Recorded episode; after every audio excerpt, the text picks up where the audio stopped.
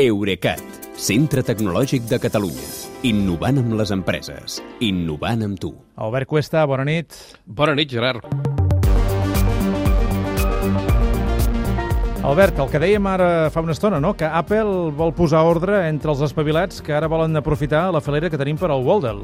Sí, no només vol posar ordre, sinó que ho ha fet. Mira, eh, després d'unes setmanes de glòria del nostre paraulògic, que de fet en si mateix ja és una, una adaptació d'un joc que es diu Spelling Bee del New York Times, eh, ara s'ha posat de moda el Wordle, on disposes de sis oportunitats per encertar una paraula de cinc lletres. Tant el Paraulògic com el Wordle originals eh, comparteixen una característica que a mi personalment m'agrada molt, i és que són aplicacions web que fa servir amb el navegador del telèfon o de l'ordinador sense haver de descarregar ni d'instal·lar res al telèfon, a l'aparell. I que et guarda la memòria el que tu has dit l'última vegada.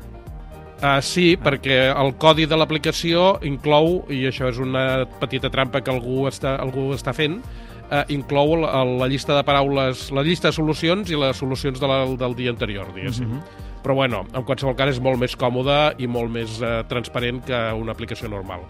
Però això de que mm, són aplicacions web, eh, precisament això ha fet possible que diversos espavilats hagin provat de fer-hi el negoci que els creadors del Paralògic i del Wordle, en aquest cas, eh, van deixar passar.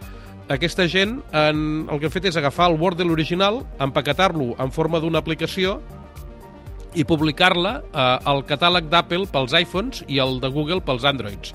En un cas, aquestes aplicacions les han fet d'accés gratuït, però les han farcit d'anuncis i de codis de rastreig, i en d'altres casos eh, directament et cobren per, la desca per descarregar-les i no et cobren poca, pocs diners. Eh?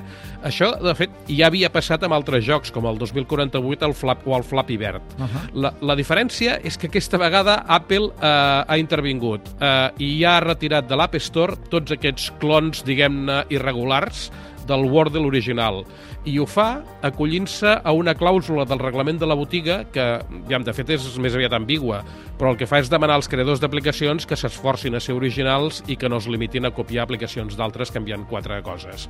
En canvi, eh, Google encara no ha fet el mateix. Fa una estona he, ho he mirat i a la Play Store encara hi ha diverses aplicacions per Android que s'aprofiten de l'èxit del Wordle gratuït. Mm, clar, de, de fet, Google sempre ha sigut una mica més permissiva que, que Apple amb això. Un Apple que, per cert, eh, està veient com les telecos estan qüestionant la seva aposta per la privadesa, ara. Uh, doncs sí, uh, potser recordareu que amb les versions més recents dels seus dels sistemes operatius d'Apple, els clients de pagament del servei iCloud, el servei al núvol, poden activar una funció que es diu relé privat, que serveix per emmascarar les dades de navegació de l'usuari, fent passar el trànsit almenys per dos servidors intermediaris. D'aquesta manera, eh, no pot saber Apple quines pàgines has visitat, però tampoc ho pot saber la teva operadora de telefonia. I resulta que a més d'una no els ha agradat gens aquest sistema i ara volen sabotejar-lo. Mira, Vodafone, Telefònica i Deutsche Telekom, que són tres de les grans europees, han demanat a les autoritats que obliguin Apple a desactivar la funció de relé privat i aleguen que l'anonimat que proporciona el relé privat no els permet complir els requisits d'identificació de l'activitat digital de l'usuari si, els demana, si un jutge els ho demana. Tot i que hi ha malpensats que ho diuen que ho fan perquè el relé privat fa que elles puguin vendre menys serveis complementaris de protecció de dades que això també pot ser. Uh -huh. uh, sigui com sigui, hi ha altres operadores que ja han tirat pel dret. I, de fet, alguns clients de British Telecom deien avui que els sortia un missatge que els avisava de que havien de, de desactivar el relé privat d'Apple si és que volen continuar navegant amb la tarifa que tenen. Ja. El que passa és que aquí em sembla que d'una forma o altra sigui Apple o sigui qualsevol altra companyia, sempre hi ha algú que acaba determinant què podem fer i què no podem fer amb els nostres aparells. Eh? Això és una estira i arronsa constant que, que continuarà pels segles dels segles, em temo. Doncs en prenem nota. Albert, gràcies, fins demà. Bona nit, Gerard, fins demà.